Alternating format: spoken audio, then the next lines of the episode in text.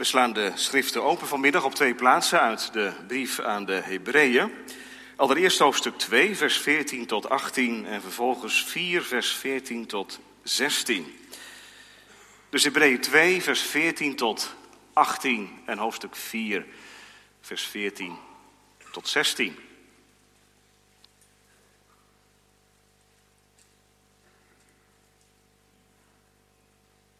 Wij lezen daar het woord van de Heer als volgt, Hebreeën 2, vers 14.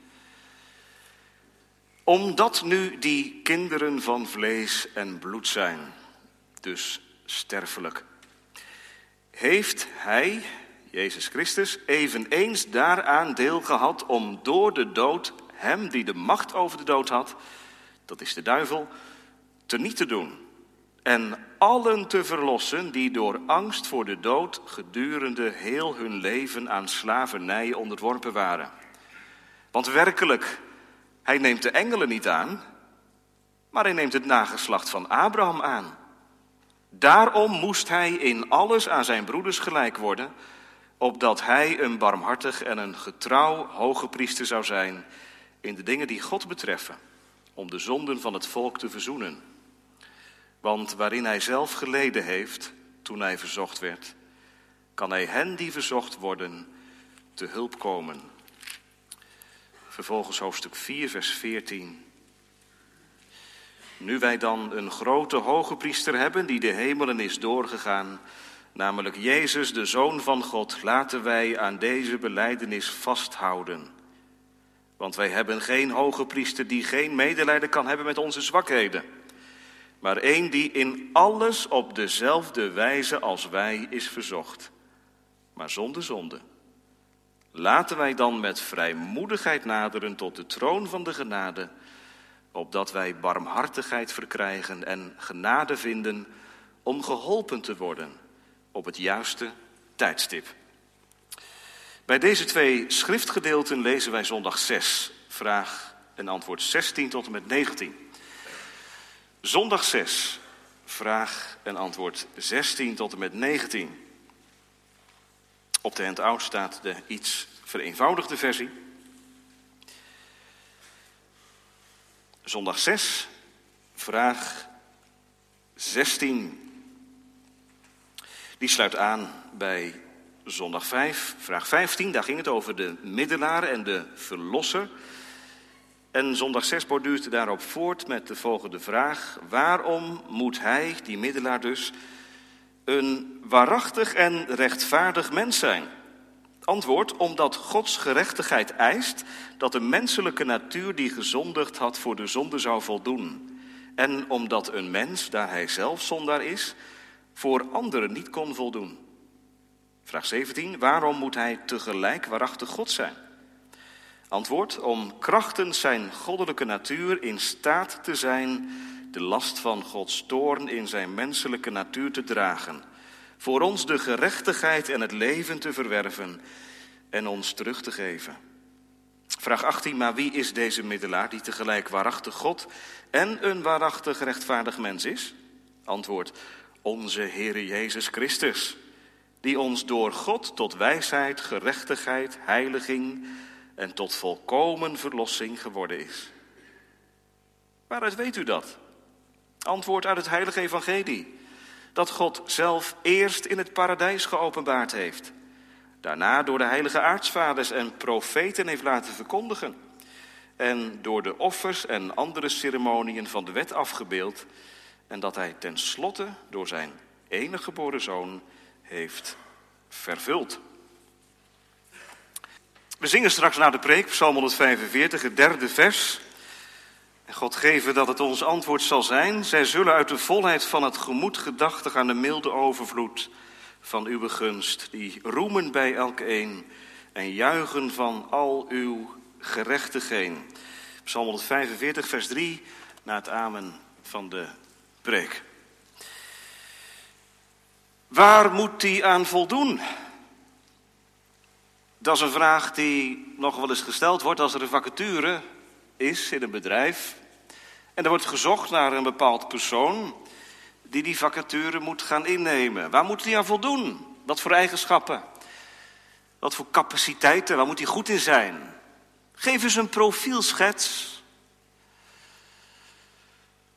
Wat komt in het bedrijfsleven voor? Stukje, weet je, ook in de kerk. En dan, vaak is het toch wel een schaap met vijf poten, wat we willen hebben, zowel in het bedrijf waar een vacature is, als in de kerk, waar een dominee beroepen moet worden. Een profielschets, heel zinnig, is nodig om duidelijk te krijgen waaraan iemand moet voldoen. Vanmiddag gemeente gaat het ook over een profielschets, maar met dit verschil dat het geen profielschets is van onderaf,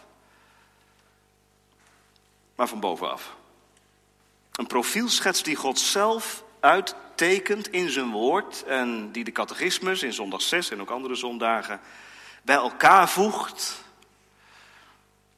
De gegevens uit de schrift bij elkaar zamelt en zo, als het ware, een, een tekening aan ons meegeven, een schildering van wie de middelaar, van wie de Heer Jezus Christus is. Met de bedoeling uiteindelijk om alles in Hem te vinden. Zo één is mijn liefste. Zo één is begerenswaardig en kostbaar. Profielschets van de middelaar. Dat staat boven de preek vanmiddag. We letten op drie gedachten. In de eerste plaats, dat is het eerste wat ons opvalt. Hij is mens en God. Hij is mens en God. Vraag en antwoord 16 en 17. Het tweede wat opvalt, hij heet Jezus. Vraag en antwoord 18. En het derde, hij laat zich kennen door Gods woord. Vraag en antwoord 19. Profielschets van de middelaar. Hij is mens en God, hij heet Jezus en hij laat zich kennen door Gods woord. Gemeente jonge mensen, vele eeuwen geleden was er een man, Anselmus, die een boek geschreven heeft. Toen nog in het Latijn, cur deus homo, dat mag je gelijk vergeten, betekent um, waarom werd God mens? Dat boek is nog steeds te lezen. Het is geen makkelijk boek, geen eenvoudig boek. Maar Anselmus in zijn tijd probeerde uiteen te zetten wat God bewogen heeft om, om mens te worden. En om daarachter te komen stelde hij allerlei vragen. En dat deed hij niet om interessant voor zijn tijd gevonden te worden. Dat deed hij in het geloof. En dat kan ook, hè? In het geloof mag je vragen stellen. Sterker nog, een van de kerkvaders heeft eens gezegd: het geloof zoekt begrip. Het geloof zoekt onderbouwing. Dat herkent u hopelijk. Als u met een hartelijk levend geloof aan de zaligmaker verbonden bent, dan is dat niet iets om achterover te leunen. Maar dan zoekt u naar ondergrond. Waar ligt het nu vast? En daar kun je nou nooit genoeg over horen. Nou, zoals Anselmus dat deed in zijn tijd en zoals vele anderen dat gedaan hebben in hun tijd, doet de catechismus dat ook. Vragen stellen. Jonge mensen, stel je de catechismus voor als iemand die vragen stelt om meer te weten te komen van de middelaar. En nogmaals, niet om interessant gevonden te worden, ook niet om omslachtig te doen. Dat is de kritiek op deze uh, zondag wel van uh, verklaarders. Die zeggen, nou, is allemaal erg omslachtig hoor. Voordat het gaat over de middelaar, zijn we drie vragen verder.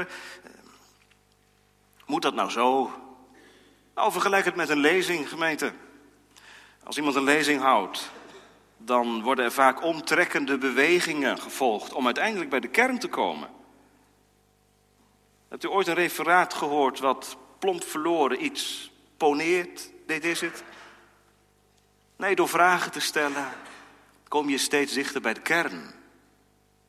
En, en dat is de bedoeling ook, ga je ook steeds meer zien van wie die middelaar is. Stel nu voor, jonge mensen, de nieuwste iPhone komt op de markt. En je koopt hem. En je gaat hem gebruiken. Wat wil je dan weten? Alles. De nieuwste opties. Zoek je uit. Waarin onderscheidt hij zich van anderen? Dat doe je omdat je ja, houdt van dat apparaat. Je vindt het prachtig om de, om, om de nieuwste telefoon te hebben. Door vragen te stellen, vragenderwijs, kom je bij het geheim. Bij de kern van het apparaat. Zo ook vanmiddag. Met die vragen die ons gesteld worden, komt er een tekening ons voor ogen, een schets. En ik hoop van ganser harte gemeente dat het vanmiddag zo zal zijn. Zoals Paulus dat deed in zijn tijd, dat hij met woorden Jezus Christus voor de ogen van de Galaten schilderde. En dat u gaat reageren vanuit de kerk. Het eerste wat ons dan opvalt is dat de middelaar echt mens is geweest. Echt mens. Waarom moet hij een waarachtig, een echt mens zijn? Ja, gemeente, als ik het dan heb over de middelaar, moet ik het ook hebben over u en mij. In de eerste plaats zelfs. Want waarom moest Jezus nou mens zijn? Vanwege mij. Omdat ik hem op het hart getrapt heb. Omdat ik hem gekwetst heb. Beledigd heb. Er is iets gebeurd, gemeente, en dat is in de afgelopen zondagen van de catechismus uit de doeken gedaan. En met name in, in zondag 4 en zondag 5 we hebben gehoord dat wij naar het rechtvaardig oordeel van God tijdelijke en eeuwige straf verdiend hebben. Die kloof is er. Wij moeten betalen en wij kunnen niet betalen. Waarom moest, moest de middelaar mens worden? Omdat alleen maar als mens de straf betaald kan worden. Het antwoord zegt omdat Gods gerechtigheid eist dat de menselijke natuur die gezondigd had voor de zonde zou voldoen. Daarom moest Jezus mens worden. Daar zit iets achter. dat komt maar niet uit de lucht vallen. Dat is vanwege mij. En zo zie je, gemeente, dat catechisme steeds heen en weer gaat tussen de middelaar en tussen ons. En dat is toch ook de beweging, als het goed is, die onder de verkondiging van het woord van de grond komt. Dat u en dat wij in onze nameloze ellende getekend worden en dat de Heer Jezus in zijn heerlijkheid en genade getekend wordt. Waarom moest Jezus mens worden? Vanwege mij. Als u de evangeliën leest, en kinderen vooral die drie eerste evangeliën, Matthäus, Marcus en Lucas, dan gaat het daar heel uitvoerig over Jezus als mens. Johannes heeft een andere inzet, maar de eerste drie evangelisten die benadrukken dat Jezus voluit mens is geweest. Jezus is geboren als een baby. Jezus heeft honger geleden. Jezus heeft dorst gehad. Jezus heeft gehuild. Jezus heeft pijn geleden. Al die menselijke emoties, die heeft hij doorstaan. En het evangelie tekent dat. Dat dient een pastoraal doel, gemeente. Bent u wel eens blij geworden van die evangelie? Dat we maar liefst drie invalshoeken hebben. Die ons Heer Jezus tekenen als echt mens. Waarom? Het geloof koestert die uitspraken dat Jezus geen geest is, dat Jezus niet God is op afstand, maar dat hij mens geworden is. Onze één. Gemeente, als je schuld hebt, kan de deurwaarder op de stoep staan, hè? En die, die deurwaarder, wat doet hij? Die deurwaarder eist en die dreigt. En die zegt, betaal me wat je schuldig bent. Maar gemeente, ik hoef u vanmiddag geen deurwaarder op de stoep te zetten. Ik mag u vanmiddag schetsen een middelaar. En het allereerste wat opvalt is dat hij mens geworden is. Dat hij een naam heeft, Jezus. Hij is echt mens geweest en neemt de natuur aan waarin u en ik gezondigd hebben. Dat is het eerste.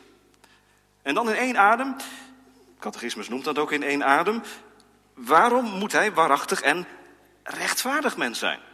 Echt en rechtvaardig. Wel, gemeente, omdat Jezus voor ons niets had kunnen betekenen. Jezus voor ons niet had kunnen lijden. Als hij alleen maar echt mens geweest zou zijn. Of, nou laten we een, stapje, een schepje bovenop doen. Of als hij een heel bijzonder mens zou zijn. Een navolgenswaardig mens zou zijn. Wat zou het voor nut hebben als Jezus ons in alles gelijk geworden was? Maar ook met dezelfde zonde en dezelfde kwalijke kanten als u en ik besmet zou zijn. Wat zegt Hebreeën? Jezus is mens geworden, onze een, uitgenomen behalve de zonde. Hij was volmaakt. Ik draag uw heilige wet, o God. Dat kan niemand van ons zeggen, maar hij wel. Ik draag uw heilige wet, die gij de sterveling zet in het binnenst ingewand. Ik, ik volg die wet, ik houd die wet van binnenuit. Gemeente Jezus is echt en rechtvaardig mens. Hoe reageert u daarop? Weet je wat het geloof zegt? Hoe het geloof reageert? En dan haal ik maar even een woord aan uit Hebreeën 7.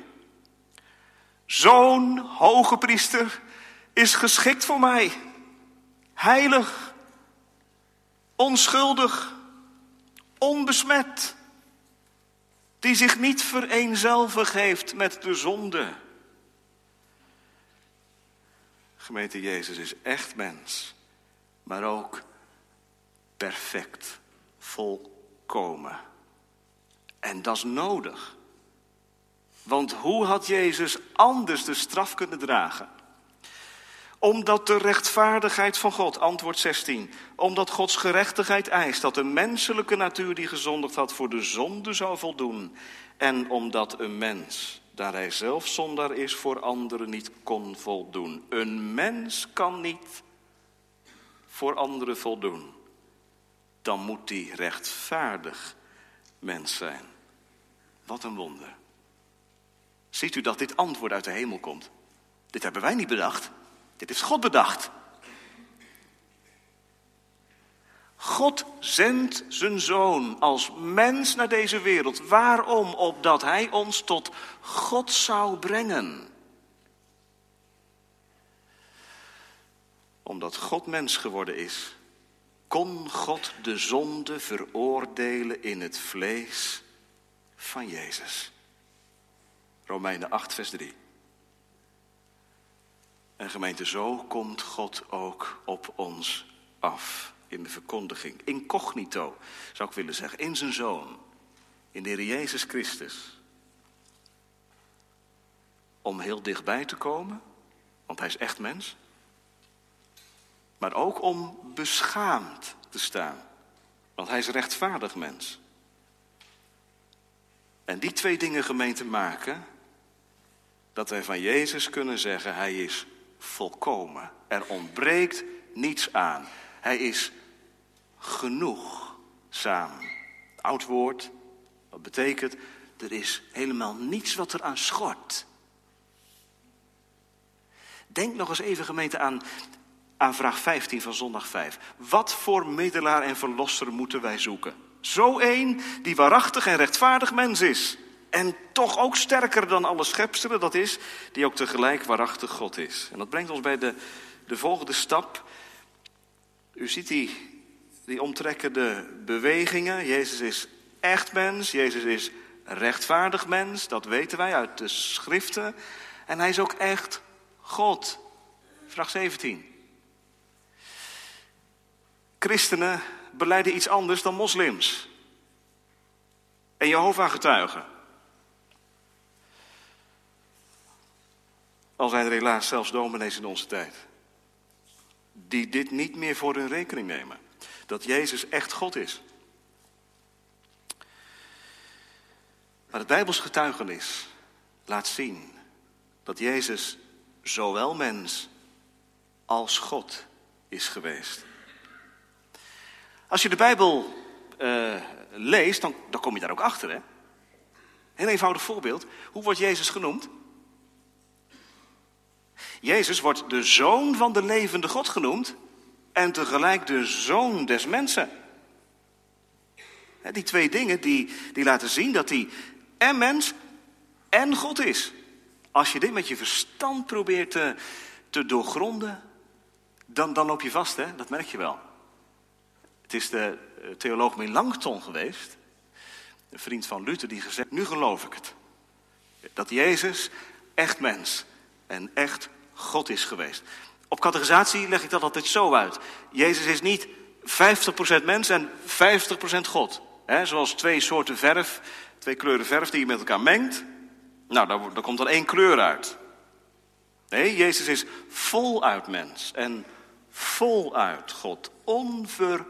Onvermengd. Er is een hele discussie over geweest in de, in de kerkgeschiedenis eh, rond Athanasius. Is Jezus nou uh, en mens en God of een beetje mens en een beetje God? Het schriftgetuigenis en de beleidenis van de kerk zegt uiteindelijk: Hij is 100% mens en 100% God. Zo stelt de Vader hem aan ons voor. Waar leest u dat? Bij de doop. Een stem uit de hemel. Dit is mijn geliefde zoon, zoon van God, in wie ik al mijn welbehagen heb. Hoor hem. Jezus als mens kan die zo dichtbij komen, kan die peilen wat ik doormaak heeft hij weet van al mijn zwakheden. Maar ik ga eronder door. En Jezus niet. Hoe komt dat? Had hij zulke sterke schouders als mens? Hij was God. Uit kracht van zijn godheid, antwoord 17. Krachtens zijn goddelijke natuur is hij in staat om de last van Gods toorn in zijn menselijke natuur te dragen voor ons de gerechtigheid en het leven te verwerven en ons terug te geven. Gemeente, die vernieuwing van je leven, hè? dat je als zondaar tot geloof komt door de genade van Christus. Hoe kan dat? Omdat Jezus mens en God is geweest. Omdat er aan het kruis iets is gebeurd wat zich nog nooit had voorgedaan in de geschiedenis en wat ook nooit meer zal voorkomen in de geschiedenis. Dat hij, mens en God, aan het kruis zijn armen wijd uitstrekte. En God de Vader zijn goedkeuring gaf met het werk van zijn zoon. Heerlijke middelaar. Mens en God. En dat brengt ons gemeente bij de tweede schets, tweede lijn, dat hij niet alleen mens en God is, maar dat hij ook Jezus heet. En ik weet niet of u de vraag van 18 een beetje meeproeft met mij, maar als de vraag zo gesteld wordt, maar wie is deze middelaar? Dan hoor ik daar iets van hunkering in. De vraag is zo geformuleerd alsof hier iemand aan het woord is, die zegt: Vertel me er meer over. Ik zit op het puntje van mijn stoel. Heb je het wel eens op zondag? Dat je op het puntje van je stoel zit, figuurlijk. Vertel me er meer over. Dat je de woorden als het ware uit de mond van de dominee trekt. Maar wie is deze middelaar? Die tegelijk waarachtig God en een waarachtig en rechtvaardig mens is. Nou, en dan komt het antwoord, een, een klaroenstoot. En dan zijn we er in één keer. Onze Heere Jezus Christus. Wordt hier een tekst geciteerd uit 1 Korinthe 1. Onze Heer Jezus Christus, die ons van God tot wijsheid, rechtvaardigheid, heiligmaking en tot de volkomen verlossing geschonken is. Ja, gemeente, en als hier staat onze, dan vraag ik het toch even. Ook die van jou? Ook die van jou? En van u? Mijn Heer Jezus Christus. Luther zei het al, hè? het geloof zit hem in die persoonlijke, in die bezittelijke voornaamwoorden. Dat je kunt zeggen, mijn zaligmaker, mijn redder. Niet een zaligmaker, er is een redder, mijn Heere, mijn God. Dit is de taal van het geloof, onze Heer Jezus Christus. Die ons van God tot wijsheid enzovoort geschonken is. Wat is dit heerlijk, gemeente? Het deed me denken aan um, Filippus. Filippus die Nathanael opzoekt. Filippus heeft al kennis gemaakt met Jezus. En dan zegt hij tegen Nathanael: We hebben hem gevonden. Jezus, de zoon van Jozef van Nazareth. Gemeente, en hieraan herken je of iemand uit God is. Broeders, op huisbezoek is dit de essentie. Het gaat hem niet zozeer om de weg die is afgelegd. God kan op duizend manieren zondaar tot zijn zoon brengen. Maar het gaat hem om de kern, is de essentie aanwezig. Herkennen we iets van wat die Samaritaanse vrouw bijvoorbeeld zegt als ze terugkeert naar Samaria, naar haar woonplaats en dan zegt, kom en zie een mens die mij gezegd heeft, alles wat ik gedaan heb, is dit niet de Christus? Jonge mensen, mag ik het jullie vragen? Wie is Jezus voor je? Is een naam? Van horen zeggen, vijf letters, mooie naam. Of is hij jouw persoonlijke middelaar, zaligmaker? Het geloof is inderdaad iets heel persoonlijks. Je kunt niet meeliften op het geloof van je ouders, het geloof van een opa. Onze. Dat onze gemeente, dat wordt gezegd door allen die Jezus liefhebben. En dat zijn allemaal individuen. Jongeren en ouderen. Wat hebben die dan ontdekt? Dat ze zelf de wijsheid niet op, op, op zak hebben niet rechtvaardig zijn, niet heilig zijn, dat ze verlossing nodig hebben en dat al die dingen geschonken moeten worden en daadwerkelijk geschonken worden. Gemeente, dit haalt een streep door al jou, door al mijn pogen. Om bij God in het gevlei te komen. En daar zijn we toch nog wel mee bezig. Hè? Ook in de kerk. Op allerlei manieren. We weten het zo goed. En we weten het zelfs voor God heel goed. Maar zalig de mens die het niet weet. En die zegt zalig worden, gered zijn, dat is iets van boven. Dat is een geschenk. Dat heb ik ontvangen. Ik zocht hem niet. Maar hij zocht mij. Dit is een schokkende tegenstelling met ons denken. Wat altijd van binnenuit naar God toe denkt. En het evangelie is net andersom. En bekering, gemeente, wat is nou bekering? Dat je op die wijze leert denken zoals de schrift denkt, zoals de schrift voorstelt. Dat de Zoon van God, de Heer Jezus Christus, iemand is die geschonken is. Is hij mij ook geschonken? Zegt iemand. Vorige week eh, hadden we hier een doopdienst, hè? Wat heeft God toen gezegd? U hebt het gezien. Hoe het water op de voorhoofden van vier jonge kereltjes is gesprenkeld.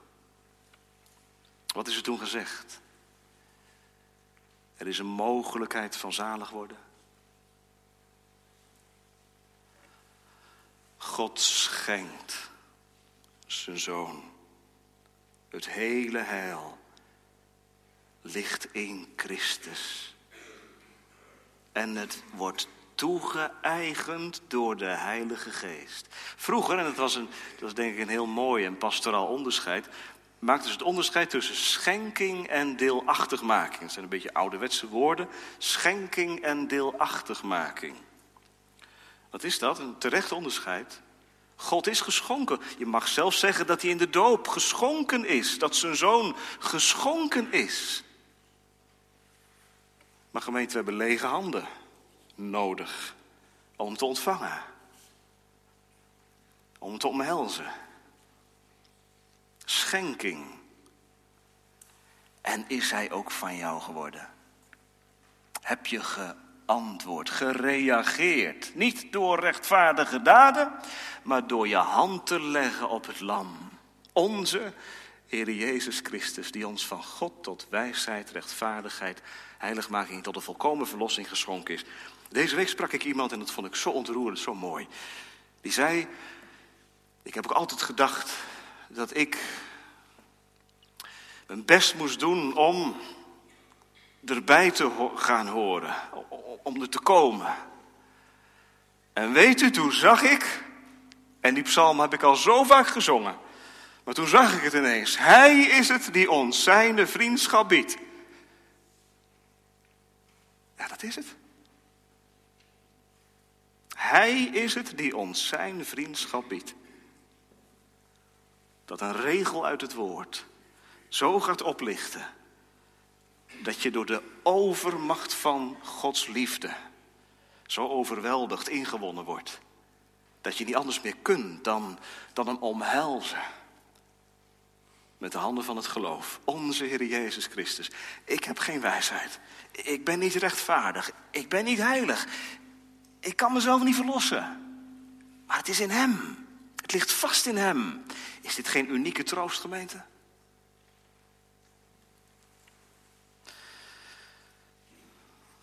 Dit moet gaan oplichten.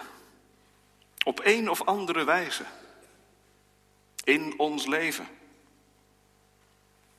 Op reis naar onze eindbestemming. Dat wij zien. In Hem ligt het alleen. En daarom laten we onszelf de vraag stellen: Is Hij mijn wijsheid? Of borduur ik nog voort op mijn eigen wijsheid, mijn eigen geestelijke wijsheid, mijn geestelijke inzichten? Mijn dagelijkse wijsheid, is dat waar ik op navigeer? Of is het de wijsheid, jonge mensen, van Christus? Die praktische levenswijsheid ook. Wil je daarbij leven? Voed dat het leven van dag tot dag. Heer, leer mij naar uw wil te handelen. Is Hij mijn wijsheid? Is Hij mijn rechtvaardigheid? Ik denk even aan die, aan die regel um, uit dat bekende lied van Mick Jane. Dat Christus alleen mijn gerechtigheid is. Is Hij dat? Is Hij mijn gerechtigheid? Heeft Hij voor mij alles betaald? En kan ik zeggen, als ik nu zou sterven, dan is het goed. Niet omdat ik het ervaar, niet omdat ik het waar bevind van binnen, maar omdat Christus ook voor mij zichzelf gegeven heeft. Hij is mijn rechtvaardigheid. Is Hij mijn heiligmaking? Of zit ik altijd nog in de kramp?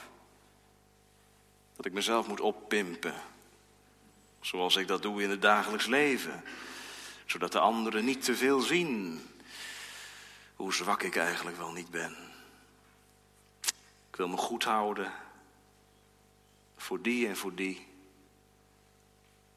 Leven op je tenen. Daar word je echt moe van. Heiliging gemeente is niet dat wij de bal in de lucht moeten houden. Maar heiliging is dat Christus de wijnstok is en ik de rank. En dat de levenssappen van Hem door mij heen vloeien, opdat ik waarlijk vruchtbaar ben. Kortom, is Hij mijn volkomen verlossing, gemeente. Dat is een vraag die je niet mag doorspelen vanavond naar je vrouw of naar je man. Niet naar je buurman of naar je buurvrouw. Maar dat is een vraag waarop je vanavond antwoorden moet. En weet je, als je het van elkaar nou niet weet, hè, in je huwelijk, wil je er dan vanavond eens over hebben? Mag dit dan het opstapje zijn, deze preek, om er vanavond eens voor het eerst heel open over te hebben? En dan moet u niet zeggen, ja, dat, dat, die geestelijke dingen, dat, dat, ik kan zo moeilijk praten. Heb het erover. Is hij mijn volkomen verlossing? Want gemeente, het, het kan toch niet? Dat je niet weet van elkaar. Waar je staat, geestelijk. Is hij door God geschonken? Mijn Heer Jezus Christus. Waaruit weet je dat? Die vraag die ligt misschien wel voor op je lippen. Waaruit weet je dat? Onze derde laatste gedachte. Profielschets van de middelaar. Hij laat zich kennen door Gods woord. Waaruit weet je dat? Wat? Nou, dat die verlossing, dat mijn redding in Christus ligt. Dat er een middelaar beschikbaar is en ook bereidwillig is om mijn geestelijk faillissement op te vangen. Hoe weet je dat? Wat is de bron van de troost van zondag 1? Dat ik in leven en sterven het eigendom ben van Jezus Christus. Hoe weet ik dat ik mezelf niet bedrieg? Dat ik mezelf niet iets aanpraat? Vraag 19. Waaruit weet u dat? Nou niet door mijn eigen nadenken, door mijn conclusies. Nou, ik, uh, vroeger had ik helemaal niks met de kerk en, en nu, nu ben ik er twee keer per zondag. En, en eerder las ik weinig in de Bijbel en nu lees ik meer in de Bijbel. Eerder kon ik bijna niet bidden en nu gaat het een stuk beter. Dat is conclusies die wij verbinden aan bepaalde dingen die gebeuren in ons leven. Ja. U proeft al aan het antwoord, gemeente. Dat is geen bespiegelend onderzoek. Waaruit weet u dat? Nee, antwoord is dan niet: ga voor de spiegel staan en kijk wat er veranderd is in je leven. Waar moet je dan zijn? Bij je eigen hart? Gemeente, je eigen hart kan je aanklagen. Arglistig is je hart, zegt Jeremia. Zou dat de bron zijn? Wat is het dan? De wet? Nee. De wet eist. Als je maar leeft volgens de tien geboden, dan mag je toch wel concluderen dat je. Nee, de wet geeft je helemaal niets. De wet eist. De wet stelt je schuldig.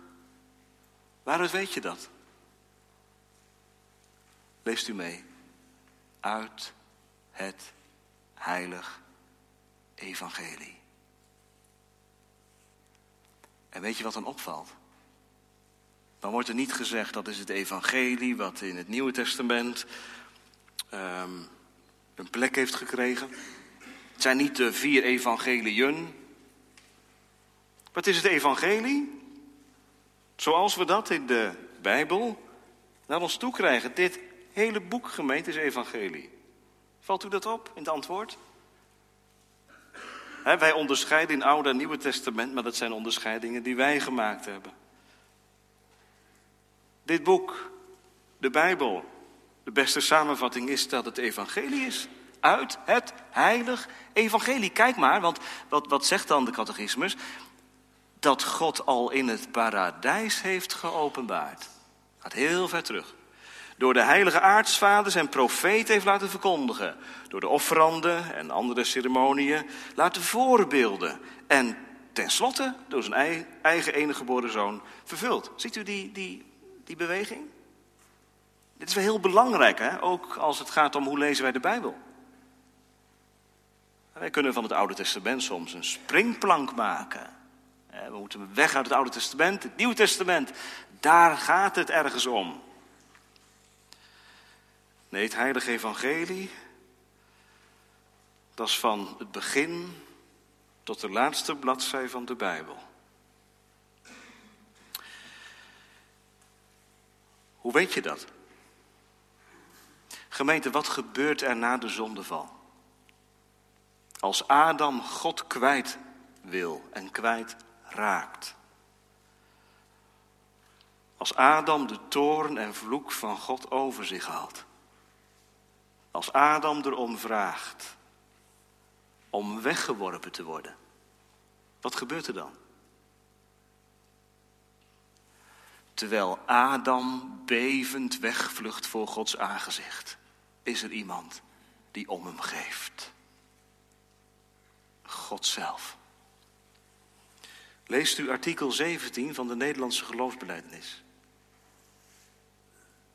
God begeeft zich achter Adam aan en dat is een patroon. Dat is de inzet van de Bijbel en dat is een patroon wat je steeds weer terugvindt in de Bijbel. Hoe weet je dat? Vraag 19. Dat onze Heer Jezus Christus geschonken is van God tot volkomen verlossing. Uit de Bijbel. En blader dan maar terug. Allereerst naar Genesis 3. Het welk God zelf eerst in het paradijs heeft geopenbaard. Op die eerste bladzijde van de Bijbel. Na die zwarte achtergrond die nodig is om dat heerlijke, die heerlijke schat van het evangelie te laten zien. Begint God van hem, van hemzelf uit al aan dat verlossingswerk. En al die boeken gemeente daarna. Uiteindelijk hebben ze allemaal te maken met dat laatste, dat zijn enige geboren zoon gekomen is. Dus dat betekent dat je als het boek Joel opengaat en, en Haggai en Jezaja en Jeremia en, en Leviticus en Deuteronomium, dat er altijd lijnen lopen naar Christus. Spurgeon zegt, iedere tekst bevat een weg naar Christus toe. We zien dat ook hè, bij, bij Nehemia, het is soms zoeken. Het ligt niet voor het oprapen, maar het is er wel dat het heilige evangelie zelfs in boeken als Nehemia doorklinkt. Je kunt het weten, zegt de catechismus, uit iets wat buiten jou ligt. En dat is maar goed ook, gemeente. Het woord van God, dat is het geschenk van boven, waar ik mijn vinger bij mag leggen. En wat staat Dan zegt de catechismus dat het evangelie later door de aartsvaders en profeten is verkondigd en door de offeranden en ceremoniën van de wet is voorafgebeeld en ten laatste door zijn enige geboren zoon is vervuld. Gemeente, als dit zo is, hè, als die Bijbel die je vanmiddag bij je hebt, heilig evangelie bevat, mag je met heel veel verwachting lezen. Doet u dat ook? Als je hier nou vanmiddag zit, met weinig verwachting, als je kijkt naar jezelf. Die zegt, ik ben zo'n zondaar. Ik maak er niks van. Je hebt het woord van God gekregen. Wat je wijs maakt tot zaligheid. Ja, maar ik kan toch niet doen met een schriftgeloof, zegt iemand. Wat is het evangelie anders, zegt Calvijn, dat God zijn zoon in het gewaad van zijn woord ons aanbiedt? Het woord van God is levend en krachtig en scherp snijdend. Ik hoef dat woord niet levend te maken.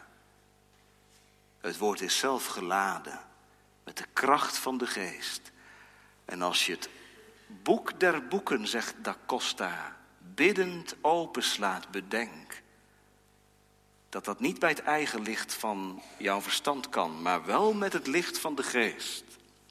Wat valt op iedere bladzij. En wie met die verwachting leest, zal niet bedrogen uitkomen. Vindt u dit geen geweldig reformatorisch antwoord, gemeente? Uit het evangelie.